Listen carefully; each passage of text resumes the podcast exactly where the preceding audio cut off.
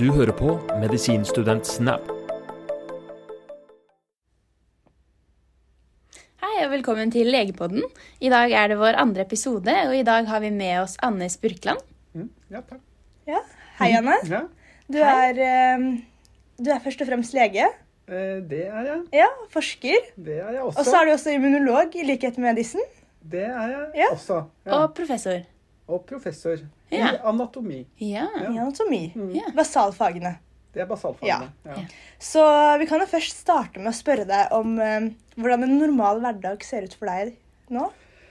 Nå når vi er ferdig med pandemien, så er det normal hverdag. Jeg må jo stå opp da, om morgenen og komme meg opp av sengen og til frokostbordet. Mannen min eh, lager frokost til meg hver morgen. Oi, luksus. Ja, det er skikkelig luksus. Han henter avisen. Frokosten er ferdig når jeg kommer fra Oi, badet. Ja, ja. ja. Og så tar vi toget hjem. Nei, toget til jobben. Og det Stort sett så er jeg her klokken ni. Okay, ja. Hvis noe står på, hvis jeg skal holde forelesning, så er jeg her selvfølgelig tidligere. Ja. Uh, og så bruker jeg tid på kontoret og prøver å svare på mail og, og, og snakke med studentene mine. Og, og da studentene mine i den sammenhengen er de jeg har i forskningsgruppen min ja. som da gjør ulike forskningsprosjekter og, og sånn. Når du snakker med de, så er det jo ofte noen møter, så prater jeg litt med kollegene i gangen her. Så leser jeg litt uh, artikler. Altså, ja, jeg vet ikke, jeg. Prøver å skrive. Altså, tiden bare går med til forskjellig småtteri. Så når klokken er fire, så begynner egentlig arbeidsdagen min, føler jeg. Okay. Ja, det er de siste to-tre timene at jeg syns jeg gjør mest. Yeah. Men alt det som jeg skulle ha gjort uh, mens jeg ble avbrutt uh, i løpet av dagen. Og når jeg har undervisning, så kommer jo det som en avbrytelse, selvfølgelig. Da må jeg jo flytte meg fra kontoret da, og bort til en lesesal eller kurssal. Ja, Og eh, frokost. Har du samme frokost hver dag? Eh, ja vi har frokost som minner om et sånt eh, hotellopplegg. Så vi har et liten buffé. Yeah. Flere oster, flere fiskepålegg, flere kjøttpålegg, flere okay. syltetøy. Yeah. Stort sett hvert vårt brødslag. Yeah. Eh, men eh, ja. Og så melk og kaffe. Nei, ikke te. Ikke kaffe. Nei, nå tuller jeg. Ikke kaffe? Jeg, nei, jeg drikker aldri kaffe. Det er te. Okay. Og mannen min drikker bare saft. Ja. Hvordan holder Saft, du deg våken da? Nei, jeg er ikke vant til å drikke kaffe, så det går fint. Det går fint. Ja, ja, det går fint. Men det hender jo at jeg drikker kaffe når jeg skal være, altså, være våken på lange møter og sånn. Da hender det at jeg Ja. drikker kaffe. Ja, det er litt sånn jeg òg. Ja. Eller jeg kan drikke kaffe med masse sukker. Da, da Ja, går det. ja, Nei, ja. Men- ikke sukker. Nei, sånn Men melk. kaffe. Melk må man ikke ha. Litt melk må Altså. Hvis jeg får eh, sånne kraftige kaker, sjokoladekake og sånn, da Ja, passer det godt Da med passer det bra med kaffe. Mm. Men aldri etter klokken seks. Hvis jeg Nei. drikker kaffe etter klokken seks, da får jeg ikke sove. Nei. Selv om jeg legger meg til midnatt. Ja. Drikker du te etter klokken seks? Ja, Eller det, hva slags te det drikker går du? fint. Nei, te går, ikke, det er ikke noe problem. Jeg Nei. drikker alle typer te. Ja. Ja. Mm. Angående mannen din, er han også lege? Nei, han er ikke lege. Han er eh, utdannet bl.a. agronom og eh, miljø... Skal vi si natur- og miljøvern. Ok. Eh, ja, akkurat hva den eh, graden eller bacheloren heter, det husker jeg ikke. Men eh, han har jobbet i mange år innenfor eh, bistandsarbeid med fokus på miljø. Ok, ja. Det er hyggelig at dere kan ta toget inn sammen, da. Ja. Det, altså, han jobber også i byen. Så Ja. vi, har, vi flyttet til Asker for uh, seks år siden. Oh, ja. eh, etter å ha bodd i Oslo i, i mange, mange år. Mm. Så nå har vi et stort hus der i Asker, og, og bruker eh, mye av fritiden på å, å pleie hagen. Ja. Ja. Så nå er en av mine nye interesser å dyrke min egen mat. Ja. Ah, ok. Og det klarer vi ganske fint. Ja. Ja, altså Hvis man ikke har fått med seg det, så vil jeg si at jeg kan gjøre, tipse litt grann om at uh, Nytt på Nytt i fjor i januar, der har vi et lite innslag om akkurat den hagedyrkingen. Den ja, den, den, eh, den tror jeg det er mange på UiO som har fått Ja, med seg. for uh, eh, Ja. den medisinrevyen, Ja. den har vi fått med oss. Det er mulig Og den tok var opp et lite poeng med det der. Det er mulig. Det var det. Det, det overrasker meg ikke. Ja. Til de som ikke vet, så er det slik at uh, førsteårsstudenter som studerer medisin ved, i Oslo, de skal lage revy hvert år. Og så er det slik at eh, man kan starte i august, og man kan starte i januar. Ja. Så det er to revyer hvert år. Og vi starta nå til høsten og så på revyen til eh, kullet V22. Og Ja. da så vi et innslag om Anne. Annes gullkanne. Ja, ja, ja, Annes gullkanne. Annes gullkanne. Ja, ja. ja, Som da ble behørig omtalt på Nytt på Nytt. Den Ja. kom jo som sånn der juleinnslag også. Ja, Underholdningskavalkaden nå i romjulen hadde, hadde reprise på den der, da. Å, ja, ja, Så jeg var fornøyd med å se det. ja. Men nå skal jeg spole litt tilbake. Ja vel. For um, hvorfor valgte du å studere medisin? Det er et godt spørsmål. Jeg tror jeg er arvelig belastet. Fordi moren min eh, var lege, er lege. Og jeg og både, både jeg og søsteren min hadde som barn ofte ørebetennelse. Sånn at eh, hverdagene var preget av at eh, det var fint å ha en lege i huset. For hun kunne jo da sjekke om vi trengte behandling for den ørebetennelsen. Og da jeg var barn på 60-tallet, var behandlingen kirurgisk. Så man fikk gjort sånn eh, stukket opp trommehinnen, og det ble gjort i narkose. Altså kunne vi ikke gjøre det hjemme. Altså måtte vi dra til sykehuset. Så vi var veldig ofte på øre-nese- og halsavdelingen på Ullevål sykehus og fikk gjort dette inngrepet, da. Oi. Og da var det ingen eh, som skjønte hvordan man kunne klare seg uten en lege i huset. Så jeg tenkte tidlig på å bli lege, da. Yeah. Ja. For eh, jeg husker eh, Herman har jo også intervjuet deg. Ja. Og da sa du Eller du nevnte det med faren din. Han ville jo ikke at du skulle bli Nei, lege. nei han, han kjempet imot. Han syntes det var en veldig dårlig idé. For han syntes at han hadde et veldig talentfullt barn som på ingen måte skulle gå på noen sånn legeskole. Det er jo ikke noen intellektuell utfordring å bli lege. Dere bare Ja, gjør det- det som vi sier til dere, og så blir dere lege. Ja, det... okay. Men hva mente han at du kunne bli, da? Nei, det hadde han ikke så sterke meninger om, men, eh, men eh, et eller annet innenfor realfag syns han nok. Okay, Eh, ja. Jeg skulle iallfall vurdere, da. Ja. Han selv var utdannet i fysikk og var en av Norges første professorer i datafag. Så han eh, arbeidet eh, vel som en slags forsker. Eh, Da skjønner jeg at han ikke Ja, så han syntes at liksom, det var forskning som egentlig var tingen. Så da syns jeg jo på en måte at nå har jeg tilfredsstilt begge mine foreldre. Ja. både Ja. er jeg lege og forsker, så jeg syns Det er bra Han har vel kombo. endret mening nå, kanskje?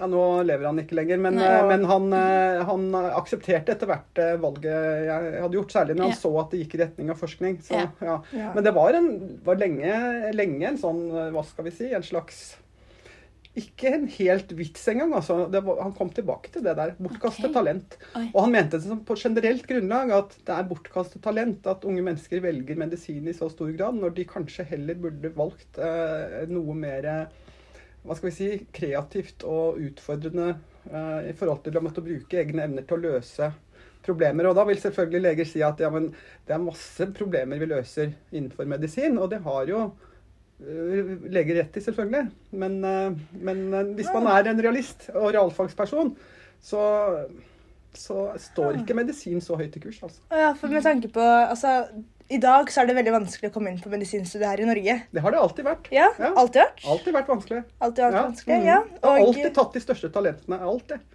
men er ikke det litt negativt med tanke på hva faren din har sagt? Hva mener du da? Nei, med at eh, vi ikke får utfordret oss selv. Og... Nei, men, det, jeg, jeg, mener- nei, men jeg mener, jeg mener ja, Han har rett i det at eh, det er en eh, skole langt på vei. Dere omtaler det som skole også. Dere går på skolen. Dere har masse eh, forelesninger, dere har masse ting dere skal gjennom. Dere går gjennom samme boken i anatomi som jeg gjorde for 40 år siden. Det er det samme programmet som også moren min gikk gjennom. Det er ingen utvikling. Det er ikke noen forskning der som har gjort at, at den undervisningen vi har i anatomi, er fundamentalt forskjellig. Eh, Og sånn er det med en del andre ting også. Det er bare Man må kunne kroppens oppbygning. Det er bare sånn det er. Og det er ikke det samme som universitet, altså hvor man på mye mer fritt grunnlag utforsker spørsmål og finner fram ny kunnskap og sånn, sånn som faren min på en måte forestilte seg. da. At man må løse matematiske problemer eller fysiske problemer, og ingen har gjort det før. Det er liksom Ja, skjønner, skjønner. Nei, men eh, det med å være med på å forandre ting, finne ut av ting, det er veldig gøy. Ja, ja. Og hvis man ikke får gjort det, er det bare forskningen som gjør det? Eller? Nei, altså, hva skal jeg si? Altså, eh, nå, nå har jo jeg valgt å, å bruke tid på å være forsker innenfor medisin, og jeg begynte tidlig med det. Jeg begynte med det som student. Du gikk Eh, forskerlinje? Nei, det var jo ikke forskerlinje da, men det var mulighet for å få forskerstipend og ta et år fri, og det gjorde Erik Dissen, som dere snakket med i forrige episode. Nettopp. Eh, Men jeg valgte å fortsette studiet fordi jeg ønsket å ikke falle ut av den sosiale sammenhengen jeg var i. Ja. Så, så jeg, men så gjorde jeg en spesialoppgave i nevrologi. I stedet for å ta eksamen i nevrologi, så laget jeg en oppgave innenfor um, nevroimmunologi. Så jeg Oi. gjorde immunologisk forskning og skrev en oppgave og leverte den til eksamen og, uh, i stedet for eh, muntlig eksamen i nevrologi. Og i etterkant av det så fikk jeg et eh, deltidsstipend for å fortsette å forske. Oi. Så jeg var en slags forskerlinjestudent Ja. eh, i den, på den måten. Og jeg vil jo si at stud- studiet har jo også i de senere årene blitt noe lagt om slik at man skal få det elementet som faren min etterlyser, da, nemlig en, en, en utfordring på å skulle selv klare å løse eller skaffe kunnskap og sette det sammen på en ny måte og, og, og legge til noe på egen hånd, og ikke bare gulpe opp det som står i bøker og som er sagt på forelesning. Så dere skal jo skrive en Prosjektoppgave, prosjektoppgave Ja. som er et forsøk på å gjøre studiet noe mer universitetspreget. Ja. Og det, jeg vil jo si fortsatt så har det Det er fortsatt et stykke på vei til at det blir eh, det, altså det er andre studenter andre steder på universitetet må gjøre. Dette er ikke en masteroppgave, liksom. Men det er iallfall det går i den retningen, da. Og, og det er også at vi har fått forskerlinjen som et, et system som er etablert, med en form som som er mer Altså, det er lettere å oppdage for studentene at det er mulig. Det er lettere å finne fram til aktuelle steder og faktisk bli tatt imot som forsker. Vi, vi måtte mer gå og banke på dører, og det var ikke ordentlig satt i system. Så det er, det er flere ting som er positivt eh, med studiet sånn som det framstår nå, i forhold til uh, tidligere, vil jeg si. Ja. Er det fortsatt mulig å levere en sånn spesialoppgave for eksamen? Som jeg gjorde? Nei, Ja. vi, nei, det går ikke lenger. At du kan ikke erstatte eksamener med spesialoppgave, sånn som jeg gjorde. Eh, så der er det Og det har jeg ikke hørt om mens jeg har jobbet her, har vært mulig i det hele tatt. Men da jeg studerte, så var det flere som gjorde det, og valgte et, et av fagene, et av de mindre kliniske fagene, som ble erstattet da med en spesialoppgave. Ok. Hvilket semester var det man gjorde det på? Eh, det, det kunne, Eller år, sikkert være, kunne helt sikkert være flere ulike semestre. Vi hadde delt året i tre i stedet for to. Sånn okay. at uh, et semester var bare så å si, tre og en halv måned. Og, og i nevrosemesteret, da, eh, hvor det var nevro og øye, tror jeg, samtidig. Jeg tok okay. eksamen i øye, men Ja. ikke i nevro. Eh, som da varte Ja, mest sannsynlig var det bare tre og en halv måned. Men eh, jeg startet med oppgaven i god tid i forkant. Så jeg fant ut hva jeg ville gjøre, og startet med det lenge før jeg kom til nevrosemesteret. Så jeg tror den oppgaven tok meg i hvert fall ett og et halvt år å gjøre. Okay. Og sånn, apropos sånn studieteknikk og sånn. Ja. Vi har jo På UiO så har vi fått et uh, ark med Annes uh, studieråd. Ja, den er jo jeg som har gitt dere, da. Jeg vet ikke om noen andre vi- gir den. Nei, den har jeg fått av deg. Ja. Men eh, hadde du Fant ut av de studieteknikkene da du studerte Eh. medisin, eller hadde du de fra tidligere av? Eh, hva skal vi si? Jeg har jo skrevet det spesielt for de studentene jeg møter nå, da. Ja. Spesielt til okay. dere. Eh, men det er definitivt preget av hva jeg selv har lært og praktisert opp gjennom tiden. Og den aller første gangen jeg lærte studieteknikk, da var jeg ti år. Eller noe sånt. Og da hadde vi et norsk læreverk som het Hva leste du nå? Uh, og, og, og den hadde mange ulike deler. Sånn som jeg husker det, så hadde den mange ulike deler, men alle sammen hadde felles overskrift 'Hva leste du nå?' Og, um, og da fikk vi bl.a. Uh, arbeidsoppgaver hvor vi kunne jobbe i vårt eget tempo, lese tekster og svare på spørsmål. Og hvor jeg nå i ettertid ser at dette var trening i studieteknikk. Eh, som vi hadde innbakt i vårt norskopplæringsprogram. Og jeg er ganske sikker på at nå gjør de det ikke sånn. Men, men eh, jeg kom ut av folkeskolen allerede med en viss grad av studieteknikk. Og så hvordan det var på videregående og hvordan jeg la det opp der, det husker jeg vel ikke helt. Men, men, eh, men eh, jeg var veldig bevisst på hvordan jeg studerte selv eh, da jeg var på medisinstudiet.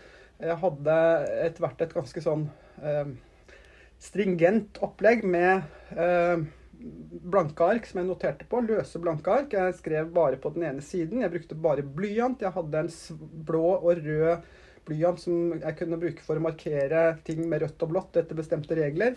Og eh, I tillegg hadde jeg en gul overstrekningstusj. Og etter å ha notert da, på forelesning på den ene siden, Ja. og det kunne jo bli noen ganger ganske mange ark, så eh, fortsatte jeg å jobbe med de hjemme, om det var samme dag eller uke eller seinere. Det, det kan ha variert. Men da gikk jeg gjennom notatene mine, sammenholdt med det jeg leste, pyntet litt opp på dem, eh, presiserte der det var nødvendig, og skrev innholdsfortegnelse for hva inneholder denne forelesningen. Det skrev jeg på baksiden av altså ark 1. Så alt dette var en bearbeiding av det jeg hadde eh, notert. Og eh, jeg brukte det også i forbindelse med eksamensrepetisjon, hvor jeg gikk tilbake til notatene, så hva de inneholdt, sammenholdt med hva som fantes i bøker eh, osv. Og, så og til slutt, før jeg tok eksamen, og det var helt konsekvent fra biokjemieksamen og hele veien gjennom studiet, så eh, eh, skrev jeg eh, foran eksamen. Så all min eksamensforberedelse var å skrive stoffet en gang til. Så to-tre uker før eksamen så satte jeg meg ned og skrev og skrev og skrev og skrev alt pensumet rett fra hodet og ned på papiret uten å, eh, å skjele til bøkene hvis jeg ikke hadde behov for det. Mm. Og det er, det er en av de gode rådene jeg gir til studenter hvis de spør, og jeg tror også det står i Annes råd, at Det det, å reprodusere kunnskapen er ekstremt viktig del av studieteknikken. En ting er å putte det inn, men det er verdiløst hvis du ikke får det ut. Og, eh, og, Det er det vanskelige. Å putte det ut og få Ja, det det- inn. Det ja, er men- greit. Ja, men du, du kommer jo ingen vei hvis du ikke kan bruke det. Mm. Slik at, slik at eh, Så, så når, jeg, når det er Andes, Andes råd som jeg har delt ut, det er, ja, da, det er også min egen studieteknikk. Og hvor lærte jeg det? Jeg tror egentlig ingen lærte meg det. Jeg tror jeg skjønte det på et vis. At sånn måtte jeg gjøre det. Mm. Eh, også fordi Jeg tror kanskje faren min hjalp meg litt med det. For når jeg da gikk på videregående, og det var en eller annen prøve jeg skulle ha, eller kanskje eksamen, så satte han seg ned med meg en dag før eller to dager før, eller hva det var. Og han hadde læreboka på hånda, eh, på fanget, og jeg satt i sofaen, og så så han et eller annet ned her, og så sa han ja, fortell meg litt om dette.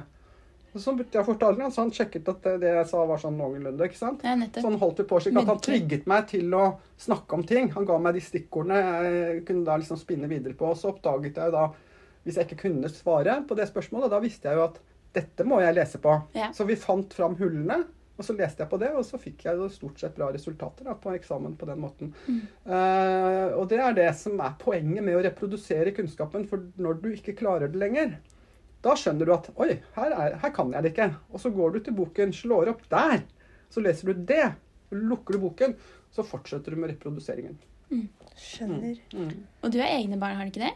Mm, Jo, jeg har to barn. Ja. Har du gjort det samme med dem? Nja, altså Hva skal jeg si? De, eh, de eh, Nei, altså det, eh, de ligner ikke så mye på meg, da.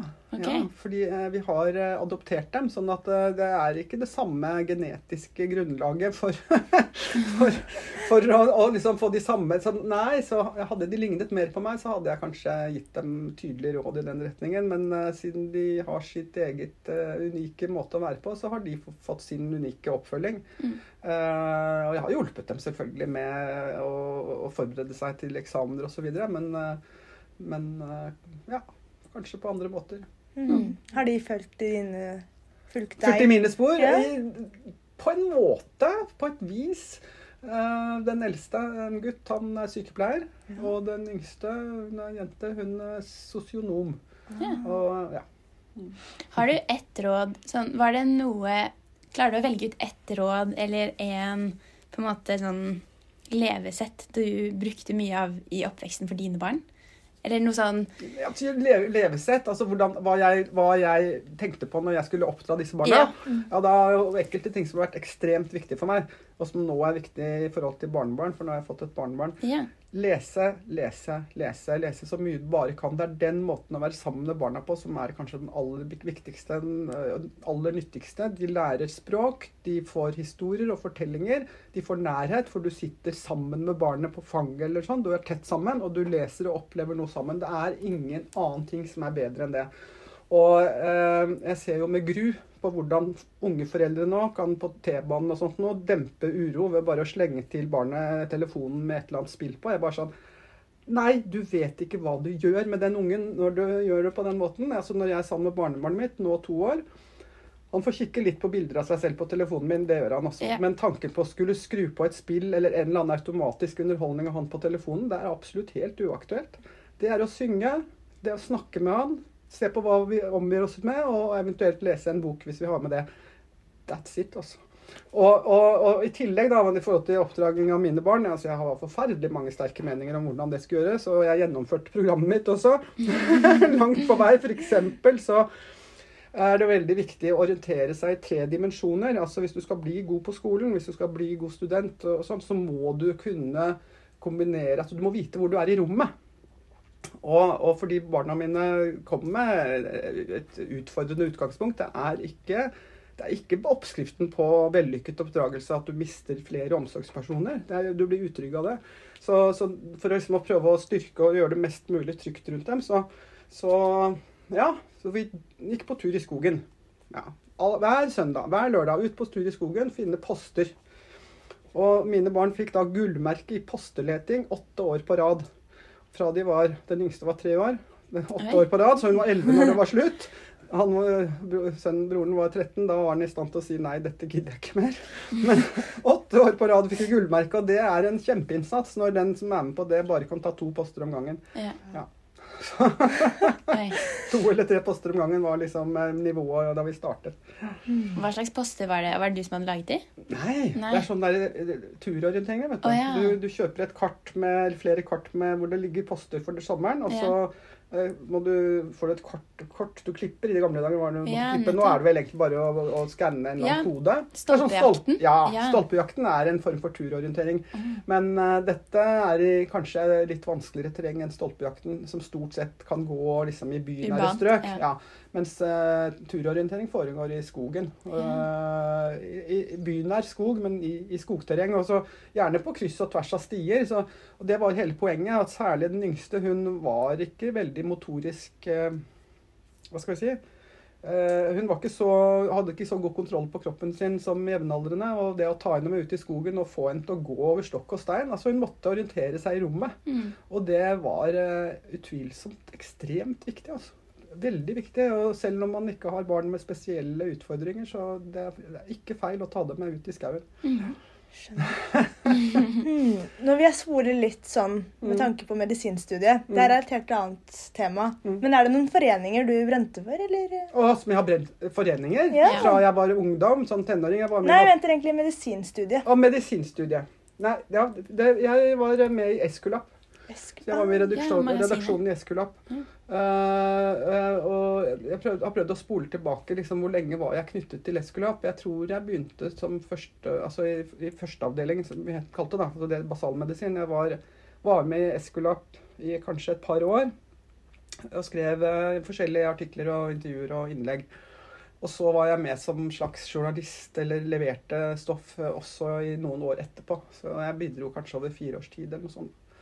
Og, og i den forbindelse hadde jeg flere hva skal jeg si, Iallfall én ting jeg husker spesielt godt. Jeg hadde bestemt meg for at jeg ville skrive om en som heter Gjersil. En forfatter som heter Gjersil for navnet nå, det husker jeg ikke. Men han, had, han er en lege og hadde skrevet bl.a. en bok som het Babels hus, og som handlet om Huddinge sykehus og hvordan eh, de forskjellige personene som hørte til sykehuset, hadde det. Så man hadde bl.a.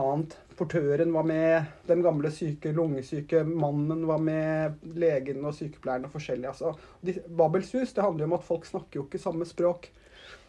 Eh, så det var en god del kommunikasjonsforvirring som var et poeng i den boken, så vidt jeg kan huske det da. Og så hadde han skrevet andre bøker òg, etter hvert som ikke hadde med sykehus å. Jeg likte han veldig godt. Så jeg ville intervjue han til Eskulap. Ja, han var i Sverige. Så jeg tok kontakt med han og fikk lov til å besøke han på hans landsted på Gotland.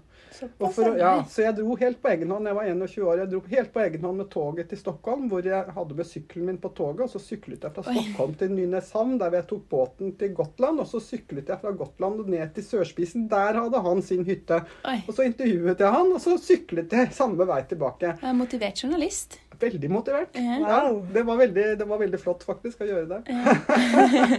Nei, vi har ikke Altså, vi har vært på PK her, og så intervjuer vi dere på kontoret, så vi har ikke gjort akkurat Det er ikke så krevende er intervjujobber. Vi skal kanskje til Drammen sykehus. Ja, ja. Kanskje. kanskje. Men, Ja. Ja. Mm. Ja, Men eh, ja. Vi kan jo tenke på å reise til Sverige også. Så Ja. ta toget til Stockholm som et lite mini. ja, vi kan ta nobelprisvinnerne. Ja, det, men det er jeg som ikke akkurat nobelprisvinnere, så det går godt an å ta en tur til Stockholm og intervjue studenter og lærere der. Altså Karolinska, Vi har jo hatt en norsk rektor på Karolinska, Ole Petter Ottersen. Han skal snart gå av. Det skal dere gjøre. Dere reiser til Karolinska, så intervjuer Ja. dere Ole Petter eh, Det- på Karolinska. Ja, er- ja. Da må dere snu dere, for han, altså, jeg tror han slutter om en måned eller to. Så det er ja. Altså, vi har en del. Ja. Snakk med Reidun Torp, for hun, hun er gift med han. Reidun. Torp. Det skal vi skrive ned. Det skal vi skrive ned. Ja. er det noen flere tips du vil gi med tanke på Hvem dere skal Ja, jeg har lagd en liten liste i hodet, da. Ja. Per Holk. Tore Jansen, han har jeg veldig lyst til å intervjue. Han er kjempehyggelig.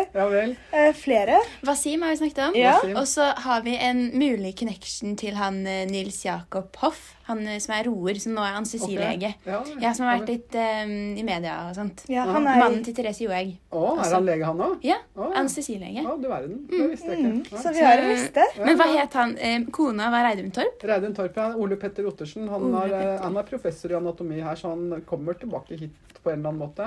Okay. Eh, Anatomi. No... Ja, men han er, da, han, det er lenge siden han har undervist i anatomi, så han, han, ja, han var da rektor på Universitetet i Oslo, og så da det var slutt, så ble han rektor på Karolinska.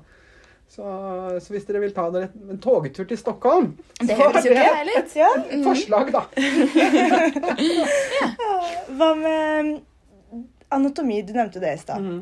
Har du noen tips til hvordan man skal være flink? Eller I gjøre det bra? flink i anatomi? Nei, Ja, det blir jo det. samme som blir det samme som er mitt generelle råd. Ja. Da. Så eh, bruk en del av tiden på å eh, reprodusere det man kan. Eh, Kanskje litt mer visuelt da, i den sammenhengen. At man kan, altså, noen eh, gode studenter tegner jo sin egen anatomiatlas. da.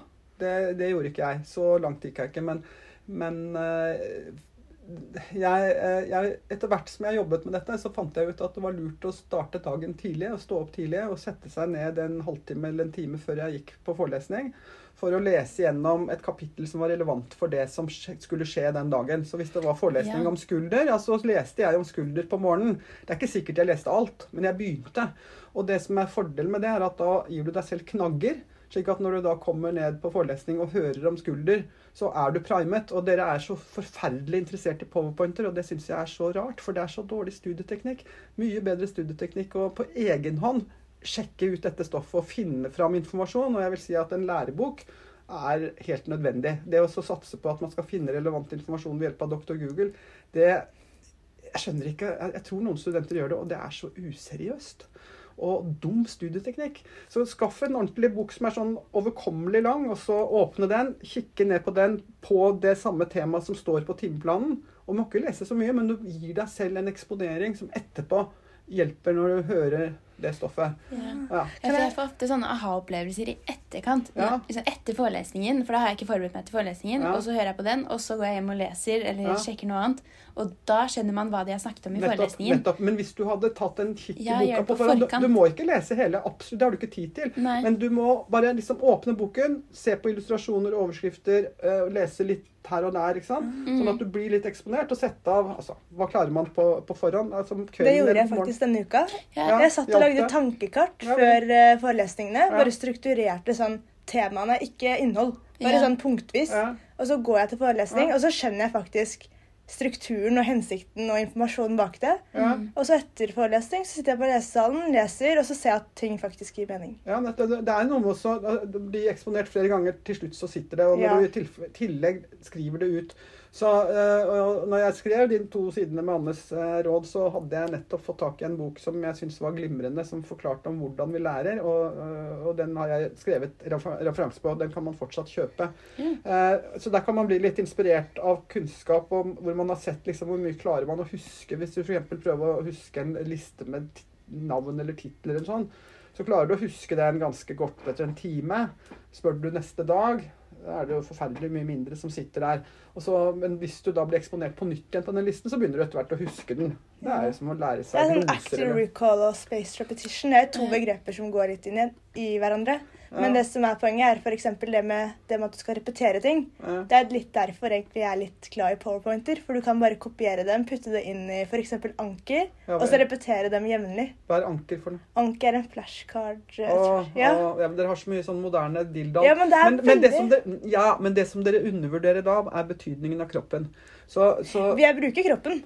Når jeg fysisk, Din egen kropp snakker jeg nå. Oh, ja. Jeg jeg snakker om din egen kropp. Så, så din egen kropp er koblet til hjernen din. Og hvis jeg gjør sånn med armen, så må en del av hjernen være klar over hvor har jeg hånda men jeg armen gjør det òg. For eh, jeg lager spørsmål. Ja. Og så ofte blir spørsmålene ganske store. Ja. Eksempel hva skjer ved elongeringsfasen i transkripsjon, ikke sant? Ja, det er greit. Ja, Men- Og så men skriver jeg det ned, hvis jeg ikke kan det. Men det som er problemet med det, er at du skriver det ned med sånn knottete Nei, nei, nei, jeg skriver det for hånd, altså. Ja, altså. du må bruke fordi at, Jeg gjør det. Ja, ja men det er, viktig, det er viktig å bruke håndskrift. fordi at hvis du bruker bare det der eh, knottete Tastaturet. skrive... Ja, tastaturet. Jeg bare legger det inn, og så bruker jeg hånda mi. Ja. Ja. Men, det, men, det, men det er det, Jeg har sagt det til dere på forelesning og prøvd å gjøre et stort poeng av å få dette her inn gjennom mange kanaler. For jo mer du klarer å få stimulert hjernen, jo bedre vil ting kunne sitte. Og jeg er egentlig bekymret for dere når dere i så stor grad bruker elektroniske hjelpemidler. og elektronisk, altså Den PC-en er elektronisk, og dere kan ikke engang touch, mange av dere. Kanskje er det en fordel. Sitte sånn og skrive, må, Men da må dere tenke mer på hvor, det, hvor, hvor fingeren skal treffe, i stedet for å tenke på det dere skriver. Jeg skriver med touch. Det er en av de tingene jeg virkelig har lært som jeg har hatt glede av. Da jeg var 14 år gammel på ungdomsskolen, så hadde jeg valgfagsmulighet til å velge touch. Og det gjorde jeg. Så jeg lærte å skrive på maskin 14 år gammel. Det var lenge før internetts tid. Men du verden for mye glede jeg har hatt av det. Og der er et eksempel på noe jeg prøvde å presse inn i mine barns uh, ungdomsskolepensum. Jeg satt på foreldremøte og sa Kan ikke disse barna lære touch? Nei da. Så vi kan ikke touch. Dessverre. Men det hadde, de, de menneskene som kan touch, kan skrive uten å se på tastatur. Jeg kan sitte sånn og skrive og se på deg i øynene. Ja, for det har mammaen min lært seg. Ja, Men det er ikke noe jeg Jeg hadde litt opplæring i det på barneskolen, men eh, jeg Ja. Men aldri proft. Nei, ikke Nei, proft. men det går an å lære det fortsatt. Det går Mm. an å sette seg ned og lære gjennom det systemet vi lærte. Det var litt sånn dan, dan, dan, dan, dan, skriver F, F, F og K, K, K bla, bla, bla. Mm. Så jeg, jeg vet faktisk ikke hvor bakstavene ligger, men hvis jeg setter de foran et tastatur, så skriver jeg. Ja. Også fordi vi, jeg har en litt sånn sidejobb på et sykehus, Mm. og da um, er det noen av tastaturene De er sånn som man skal tørke over hvis de blir skitne. ikke sant? Ja. Og noen av de er jo da bokstavene er visket ut. Ja. Så da får du også trent deg litt sånn om du husker på hva, hvor bokstavene er. og sånn da. Men uh, apropos ekstrajobber, hadde du noe ekstrajobb Ja, i studiet? Ja. Absolutt. Ja. Eh, det, var- det var ikke sånn at jeg fikk alle pengene jeg trengte fra foreldrene mine. Så jeg Nei. jobbet som hjelpepleier. Ja. Uh, fra jeg var 16 til jeg var 19 Ja. eh, i, i Oslo. Mm. Så jeg dro med toget inn og jobb, jobb, eh, vasket for gamle mennesker som bodde i Russeløkka. Ja. Eh, og så fikk jeg jobb på sykehjem i Asker. Altså jeg jobbet eh, der eh, som helgejobb. Og så eh, fikk jeg etter hvert eh, vikariat eller sånn studentjobb på sommeren, så jeg var ett, eh, fire uker i Mosjøen. Da jeg hadde studert i fem år. Og så fikk jeg seks uker på Bærum sykehus da jeg var nesten ferdig med studiet. Så ja, litt forskjellig. Mm. Og litt tilbake til stad, da du viste det med testaturet, så gjorde du en sånn håndbevegelse. Det var litt som å vispe bakbollen. Ja, ja. Det- ja nei, det var jo litt, til, ja, det var litt tilfeldig. Men det som var mitt, mitt poeng, er at eh, ved å bruke kroppen når du skal lære inn ting, og det Ja. betyr å skrive, f.eks. da, så eh, Når du må vite hvor på papiret hånda di er, Ja. så bruker hjernen mer eh, kraft for å få det til. Det samme med å prate over. Det samme for så vidt med å prate. Det er også en aktiv handling som, som, eh, som øker på en måte Hjernen må bruke mer. Hvis du tar et sånt bilde av hva som er aktivt i hjernen, så vil du helt sikkert se at det er mer aktivitet hvis du skal både snakke og skrive og sånn, enn hvis du sitter der med det tåpelige tastaturet. Nå tør jeg så vidt å ta med PC-en til neste forelesning. Nei, men altså, jeg satt jo, Dere kan få se på notatene mine etterpå når vi er ferdig med å prate. Men jeg, jeg har jo ikke kastet noe av det. Iallfall ikke det som jeg tror er relevant for eh, det jeg skal undervise. Nei, Eh, vi fikk jo faktisk ikke lov Nå husker jeg det, vi fikk ikke lov til å bruke PC når vi hadde deg For vi hadde deg i starten av skoleåret, og vi fikk ikke lov til å ta opp PC-en. Nei, det var bare når jeg skulle gjøre den presskrivingen. Okay. Så sa jeg legg til, legg til side PC-en for skrive på dette arket her. Nei da, men jeg tror kanskje jeg Jeg kan nok ha sagt også at jeg syns ikke dere skal bruke PC for å Ja, det, mm. Fordi det, det, og det, det gjør også at jeg er veldig imot PowerPoint. Fordi jeg hadde mitt system. Det skulle se sånn ut. Overskrift der, rød strek der. Bam, bam, bam. Skulle se pent ut. Pent er viktig. Og hvis noen kom med en powerpoint eller en utskrift altså Det var ikke powerpoint da, men det kunne hende at vi fikk noe handout som var skrevet på en eller annen måte, som ikke passet mitt system. Det bare ble rot for meg. Jeg ville ha det håndskrevet. Det skulle være på én side av arket. Det skulle være sånn. Ferdig. Alt, alle mine notater var sånn. Mens, mens, eh, men nå må dere forholde dere til powerpoint som er skrevet ut på en eller annen måte, laget på en eller annen måte. Mye skrift, lite skrift, noe er lesbart, noe er ikke lesbart. Det er veldig forstyrrende for estetikken for den som studerer. Dere ødelegger deres opplegg. Eh, Så, så, så jeg vil si at verdien av powerpoint den, altså, bør, vi, vi bør ikke lage et studieopplegg som er sånn at dere er avhengig av powerpointen. Det bør være sånn at dere kan finne fram selv. Eh, nå skjønner jeg det at enkelte av mine kolleger underviser ting som ikke finnes godt dekket i lærebøkene, så da blir powerpointen en referanse. Jeg skjønner jo det, men, men veldig mye av det vi, vi, gjør, er å formidle det vi har fått ut av en lærebok som dere også leser. Så da har vi et felles referanse i læreboka, og så er det det som er det egentlig viktige her. Akkurat hva vi velger å plukke ut fra læreboka og levere i en forelesning, det er det er det vi syns er viktig, og vi tror dere trenger hjelp til å forstå. Men det er ikke det som, vi, som, er det eneste som er relevant for eksamen. For anatomi så er kroppen pensum, og vi får ikke dekket alt gjennom forelesninger. Så nei. Jeg, jeg syns dere skal Og det, er, det, betyr også at jeg er veldig veldig motstander av det opplegget med å ta forelesnings, forelesningsopptak. Det var nødvendig under pandemien fordi ting var veldig vanskelig på alle mulige måter. Men eh, det er en elendig studieteknikk studieteknikk å sette seg ned med et forelesningsopptak etterpå for å høre etter nøyaktig hva den foreleseren sa. I couldn't care less. Det er ikke viktig. Det er en stunt performance dere har sett. Og om det er noen som har sagt et eller annet der, det er ikke relevant. Det som er relevant, er om flere kan finne på å si det samme. Kan dere snakke med hverandre og så komme fram til hva er dette viktig? Hvis ingen husker det, da var det kanskje ikke viktig. Eller hvis det ikke står i boka, da var det kanskje ikke viktig.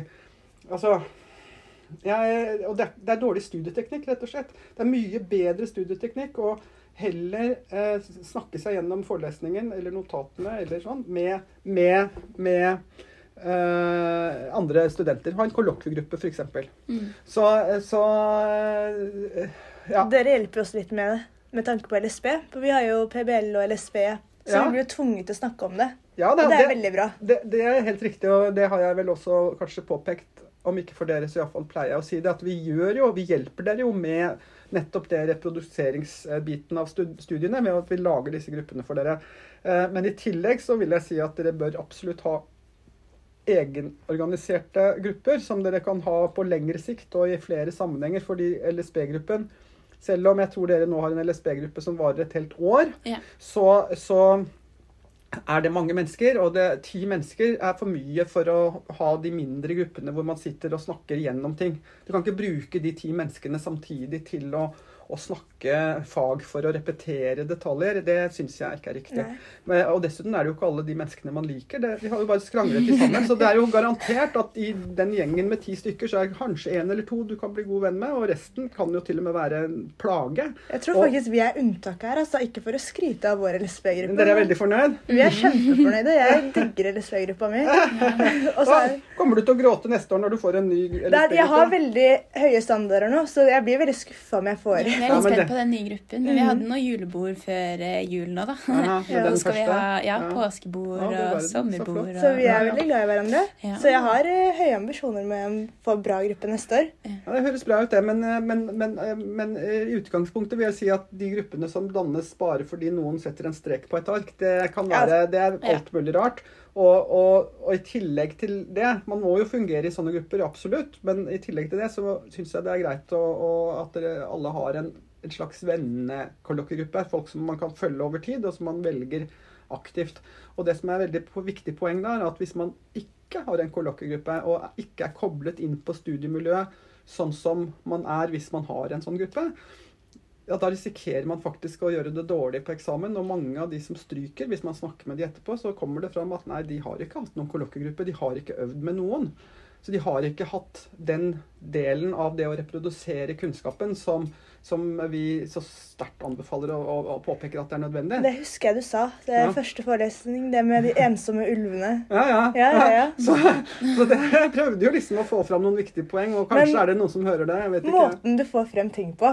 Du er jo veldig kjent for måten du formulerer det du sier. er det bevisst? Eh, er det for å skremme oss? Vil du virkelig du mener at det er så spissformulert? å snakker vi om ensomme ulver, og så sitter man der og føler at man ikke kjenner noen og har ikke lyst til å treffe noen, og man er litt deprimert, og så sier Spurklandet at de er en ensom ulv og jeg kommer til å stryke. Ikke på den måten.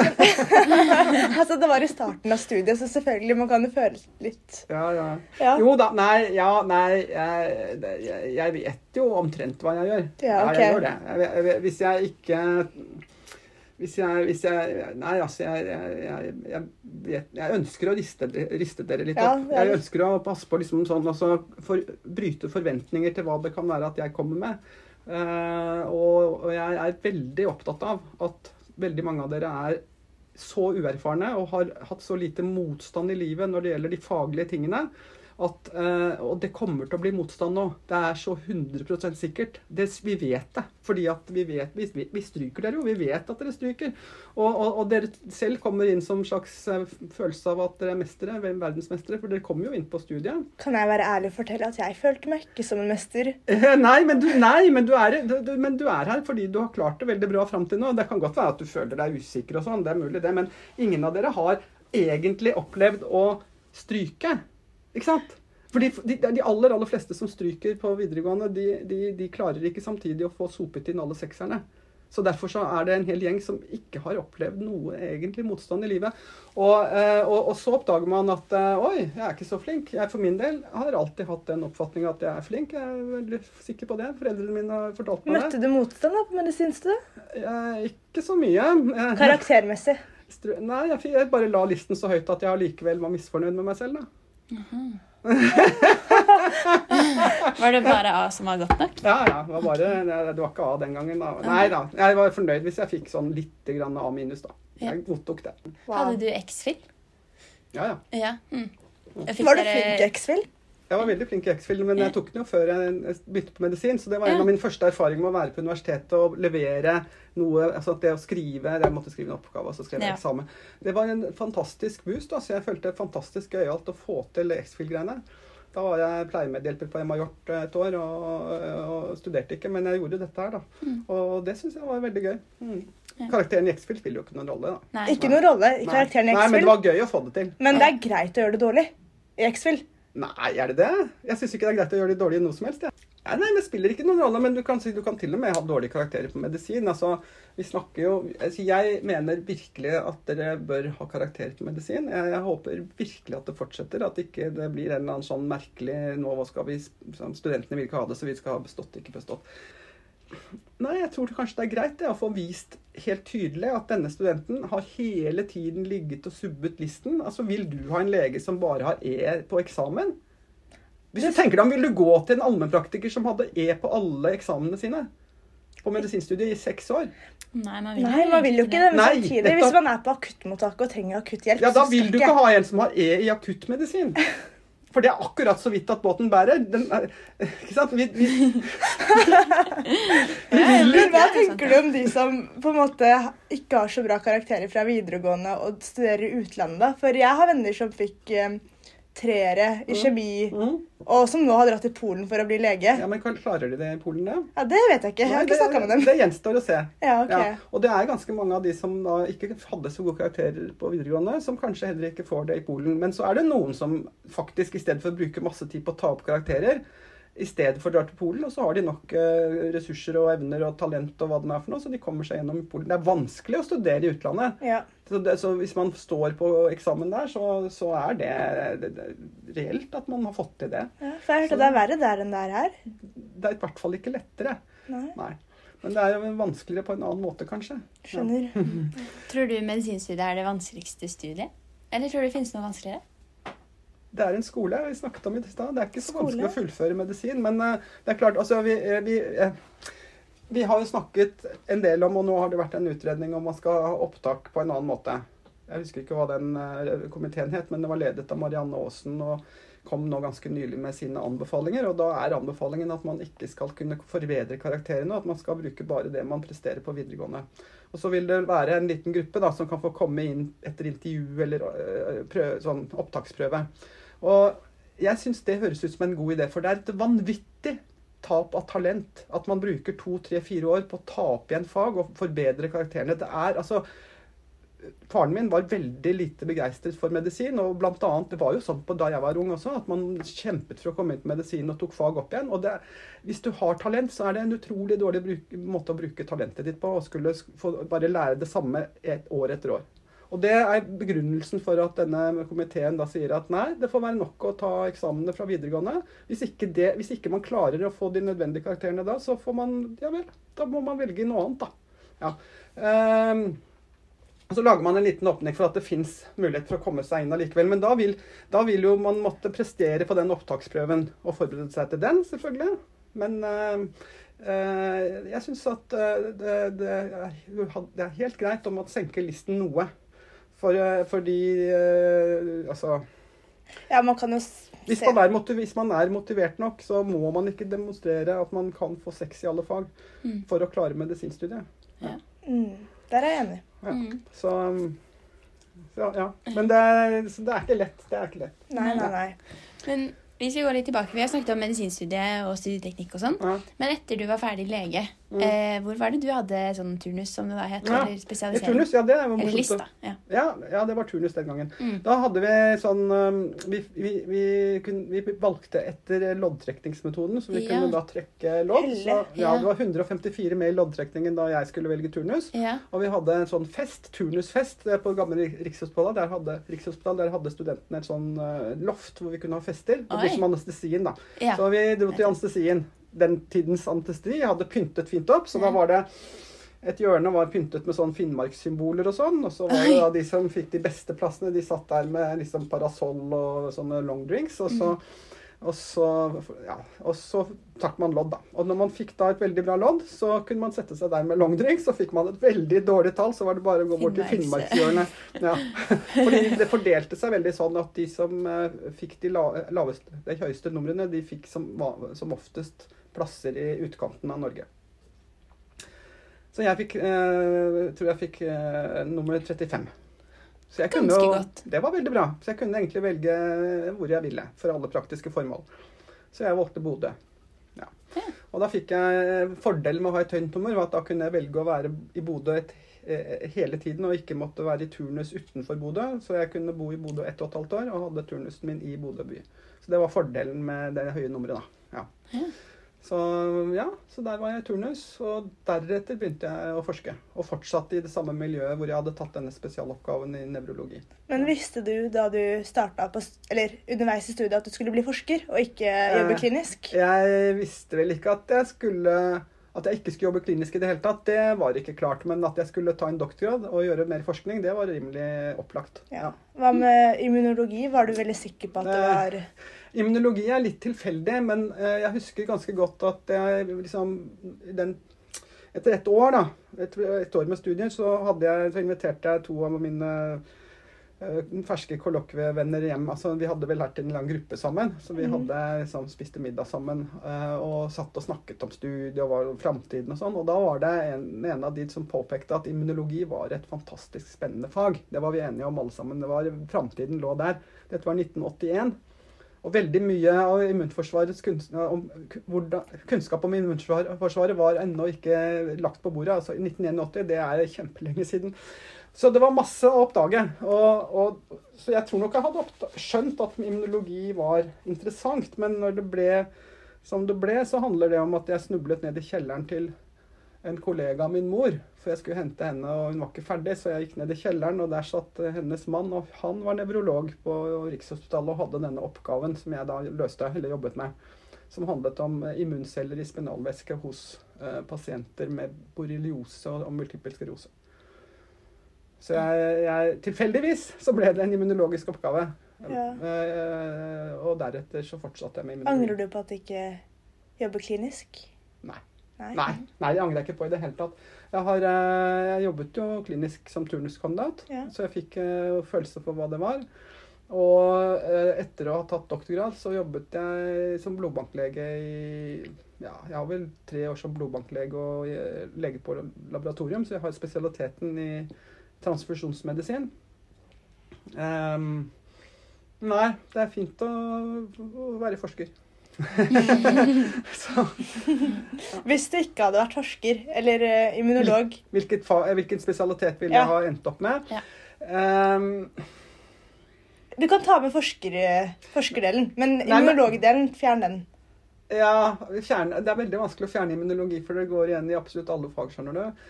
Men, men eh, Nei, jeg tror nok at jeg var interessert i nevrologi når jeg eh, liksom ville lage en oppgave i nevrologi. Så, så var jeg en stund interessert i nevrologi som klinisk fag. Ja. men, eh, og andre kliniske fag som jeg likte spesielt godt. Hud er jo ganske morsomt, da. Det er immunologisk, vet du, men det er veldig morsomt med hund at du ser jo på utsiden uh, Dermatologen Anders Virkland. Ja, altså, Ja. ja. da. Eh, og det er ikke så veldig mange som har I hvert fall en lang periode så var det ikke så mange som valgte dermatologi. Eh, Nå føler jeg at det er veldig populært. det kan godt være at det har forandret seg. Eh, absolutt. Det er jo en spesialitet hvor du kanskje ikke må gå så tunge vakter. Mm. Eh, og, og det er sannsynligvis mer enn nok å, å gjøre. Folk har fortsatt hudsykdommer, liksom. Jeg. Og det er masse immunologi i de hudsykdommene, så, så ja. Skjønner. Nå kom jeg med et veldig tilfeldig spørsmål, men Ja. eh, hvem er favorittkollegaen din? Favorittkollegaen min? Ja, Vi spurte også listen om det. Ja. Det var ikke deg. Han gikk, det han var- gikk internasjonalt. Men er vi tang Ja, altså, at, men hva mener du med favorittkollega? Er det en person som jeg har en relasjon til? Eller Nei, er det en altså- person som jeg ser opp til, og som jeg liksom? Kanskje vi skal ta begge deler? Ja. Ja. En du ser opp til, og en du bare trives med å jobbe med. Det er litt det samme som eh, hvis du er på jobb, da, så får du vite at du har vakt med den venninna di eller kompisen din. Uh. Og da blir det sånn Å, yay. eh, Nei, det der syns jeg var et veldig vanskelig spørsmål. Um, absolutt, altså. Um, favorittkollega Kanskje Altså, jeg har en, jeg, har en, jeg, har en, jeg traff en, eh, en immunolog i heisen en gang da jeg var på et møte i San Diego. Okay. Og, og han har jeg hatt veldig mye glede av å ha kontakt med. San Diego. Ja, Han bor ikke der, men det var det møtet, okay, var der møtet var. Og han, jeg traff han i, i heisen. Han hadde med seg sin kone, og hun hadde en norsk strikkejakke på seg. Så jeg kommenterte strikkejakken. Så viste det seg at jo da, hun hadde norske røtter. Tippoldefaren var fra Lofoten. Ja. Og, eh, og de ville gjerne ha kontakt med noen i Norge, så jeg inviterte dem til Norge, eller inviterte han til Norge til å holde et foredrag. Så jeg har liksom etablert et vennskap med han, da. Og, og han har hjulpet meg gjennom eh, i flere runder med å arrangere vitenskapelige møter i Lofoten. Og nå har jeg tenkt å gjøre det på nytt igjen. Jeg har snakket med han på nytt. nå at det, det, skal prøve å gjøre det nå i august. Hvis jeg får samlet nok penger og nok entusiasme, så blir det et nytt møte. Og da kommer han igjen. Så det kan si at det er vel min favorittkollega. En sånn person som er veldig hyggelig, og, og som også er veldig flink, og som har mye Altså, han er et stort nettverk, så jeg har hatt mye glede av han. Ja. Det er litt kul kontakt, altså hvordan dere kommer i kontakt. I forhold til at Du snakket om at det er viktig å være um, bevisst sine omgivelser. Ja. Hadde ikke du lagt merke til strikkejakken, så hadde du ikke fått bekjentskapen til han. og da på en måte... Det kan godt være. Ja, kan godt det være det. Ja, det er mye tilfeldigheter ute og går. Ja. Kanskje vi ikke skal gå inn på akkurat det, med tilfeldigheter. kanskje vi skal ta enda et tilfeldig spørsmål. da. Du, driver jo, eh, du har jo en kakebakebok Ja. Ja. og bakenettside. Ja. Hva er det som er favorittoppskriften din? Eh, I den eh, boken. Ja, generelt. Sånn generelt Ja. jeg spesielt liker å lage og bake Ja. og, og spise. Jeg vil si at jeg, det jeg liker aller best å spise, er en god bløtkake. Ja. Eh, Med masse krem og, og, og frukt eller noe sånt noe. Det syns jeg er best. Skjønner. Ja. Har du fått Det- tilbakemeldinger av kollegaer om hva du syns om. Oppskriftene dine? Eh, kollegaene mine er jo ikke alltid så klare over hva jeg driver med, men eh, Hmm, vet du hva? Ja, vi spurte et par eh, forelesere i dag om Ja. eh, de visste om friekaker.no. ja, ja, ja. Og det visste de. Det visste de. Altså der, der, per næring så er de klar over det. Og jeg har holdt også noen På et tidspunkt så begynte de med sånn introduksjonsseminar for ernæringsstudentene. Og hun som ledet det, hun inviterte meg da i flere år til å komme og holde et foredrag om basalmedisin, og hvor nyttig det kunne være. Hvor jeg gjorde et poeng av at alt man lærer i basalmedisin, kan brukes til litt av hvert. F.eks. å forstå hvordan en kake blir en kake, og man kan, hvordan man kan få til en kake når man begynner å manipulere med hva som skal være i den. Så kan du ikke ha egg i en kake. Hva kan du bytte det med, og hvorfor fungerer det når du putter inn det andre? Det lærer du på basalmedisin, så det gjelder å se hva slags kunnskaper man har som kan komme til ny, nyttig bruk i nye sammenhenger. Ja. Hva med favorittmiddag, da? Favorittmiddag. Ja. Hva som er, liksom, hvis jeg skal velge på øverste hylle den aller mest attraktive middagen skal, Må jeg lage den selv, eller er det sånn Nei, du kan få den servert. Nei, kan få den servert? Ja. Favorittmiddag som eh, Oi, det er så vanskelig, for jeg liker så mye mat. Mm. Um, ja. Nei, det var eh, Altså, jeg, jeg kan jo si at jeg liker, jeg liker er- Favorittmiddag vil være å få en ordentlig etiopisk uh, middag. Ja. Ja. Mm. Uh, det, det kan jeg lage selv. Oi. Det går an å gå på restaurant og, og få det, eller man kan være heldig å få det servert i Etiopia. Ja. Mm. Det, det er stas. Ja. Uh, Da, får, da får man altså en slags um, sånn porøs pannekake. Og, og sur.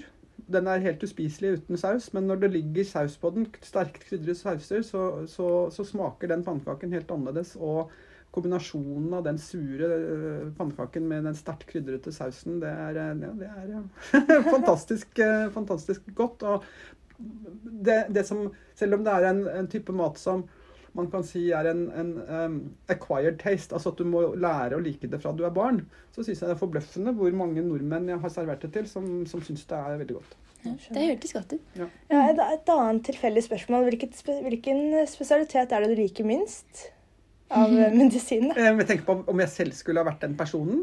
Ja, eller ja. Nei, nei, ja. Ja, altså, er, altså, Nei, kan, ikke spørre meg, kan ikke spørre meg om hvilken spesialitet jeg liker minst i forhold til hva slags type kolleger jeg da Nei, ikke kollegaer, men som spesialitet. Som fagområde. Spesialitet Ja, ja, som fagområde. Mm. Altså, jeg tror nesten alt man eh, setter i gang og, og setter seg inn i, blir interessant og spennende. Så, så det der, jeg tror jeg ikke skal si noen ting om hva jeg liker minst. Ah, okay. Men, men, eh, men jeg kanskje på generelt grunnlag si at en spesialitet som krever veldig mye av min tid, sånn at jeg måtte være på veldig lange arbeidsdager, veldig mye vakter, det ville jeg nok ikke trives så godt med. For jeg vil, vel, vil ha min egen tid. Jeg vil være hjemme og gjøre ingenting.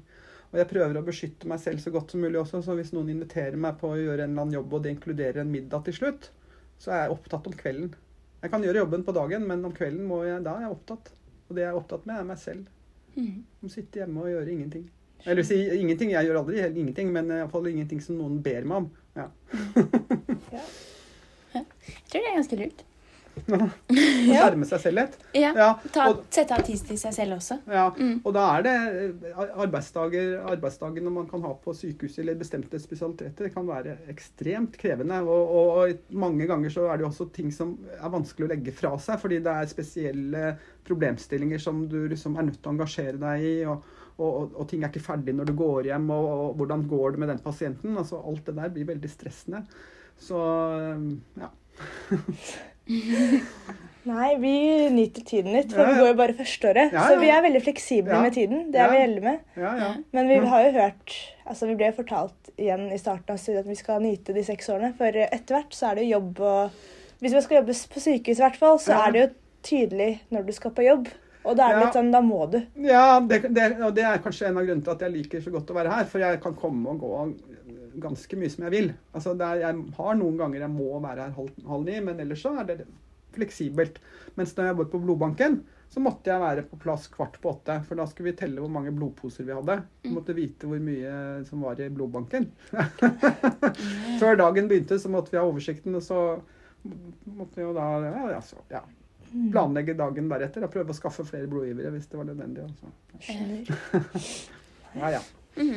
Mhm. Greit. Ja. Er det noe Nå skal vi avslutte. ja. Mm. Er det noe du vil Noe, noe som jeg vil benytte Ja. sjansen til å si når Ja. jeg har eh, studentenes øre, for det er vel studenter som hører på dette? Leger òg, vet du. Leger også. Mm Tror jeg. Jeg er jo leger også, kanskje. Og Herman sikkert noen videregående elever. Og han er jo lege. Ja, men altså, det, du, du sier at nå har du så gode dager disse seks årene. Eh, Altså, du ja. skal ikke si det på den måten. Det ble litt feil. Nei, men det, det er ikke noe tvil om at å være medisinstudent er er en fin tid. Du har seks år hvor du eh, for det første lærer veldig masse morsomt og nyttig. Du blir kjent med masse mennesker. Du, du utvikler deg som person og får nye ferdigheter på forskjellig vis.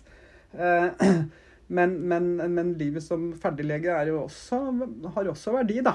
Ja, ja, ja. Og, og det som blir kunsten, er jo kanskje å prøve å leve på en slik måte at man ikke blir altfor sliten og altfor stresset. Og klare å legge ting bak seg. Og jeg tror nok at eh, de studentene vi tar igjen, som er, skal ha sex i alle fag, og som er vant til å være perfekte, det er ikke mennesker som har stor toleranse for å gjøre feil. Og er det en av ting som jeg virkelig ønsker å få dere til å forstå på et tidlig tidspunkt, er at, at, det, at det er helt OK å ikke ha full kontroll på alt og ikke kunne alt. Det viktigste er at man er klar over at her er det noe man ikke vet. Men at man ikke skal bli stresset over at man ikke vet. Det går an å slå opp eh, eller få hjelp. Men hvis dere skal ha ambisjoner om å alltid kunne 100% så blir dere syke av det. Dere blir syke av det på studiet, og dere kommer til å streve med å fungere som leger etterpå.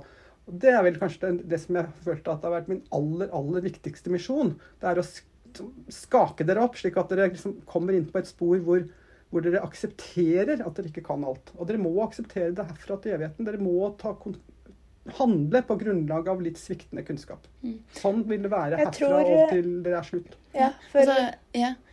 Eller hva Ja, skulle du si? Jeg skulle si at det, som sagt, veldig mange her er vel sikkert vant til, som du sier, at man eh, må være flink i alt Ja. for å kalle seg selv flink. Ja.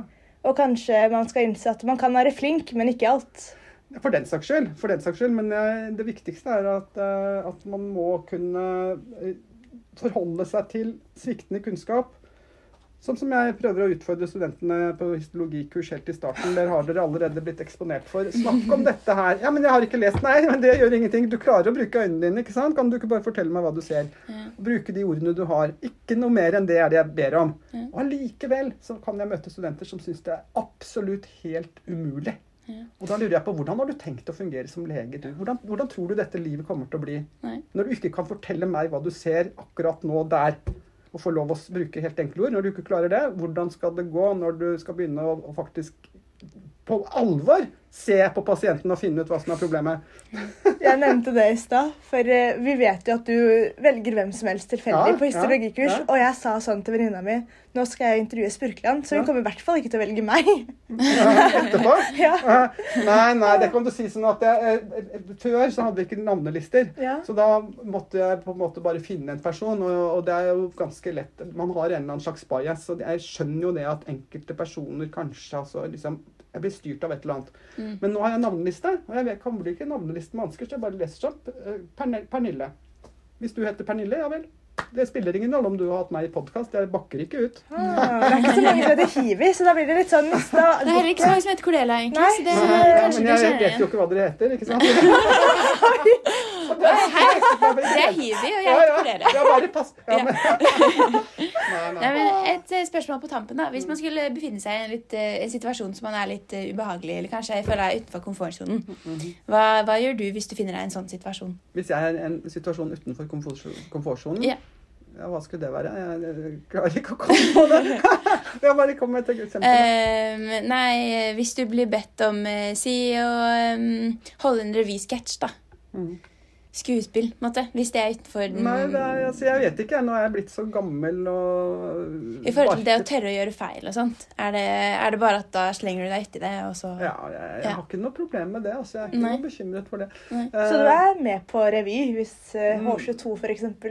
Ja, altså, jeg har ikke pleid å møte opp personlig, men jeg Nei, har jo nei, vært med på massevis av Ja, dansing har vi også sett deg gjøre. Ja, da, ja, ja, så jeg pleier stort sett å si ja hvis jeg blir spurt. Ja. Uh, så lenge jeg føler at eh, ikke dette er ondskapsfullt ment. Nei. Nei.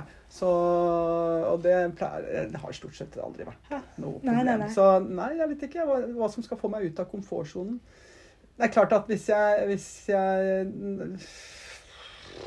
ehm, hvis, hvis, hvis jeg eh, er i en situasjon hvor jeg ikke har et ordentlig svar, og jeg burde hatt et ordentlig svar, det kan kanskje være ubehagelig. Ehm, ja. Angående ubehagelig situasjon. Mm.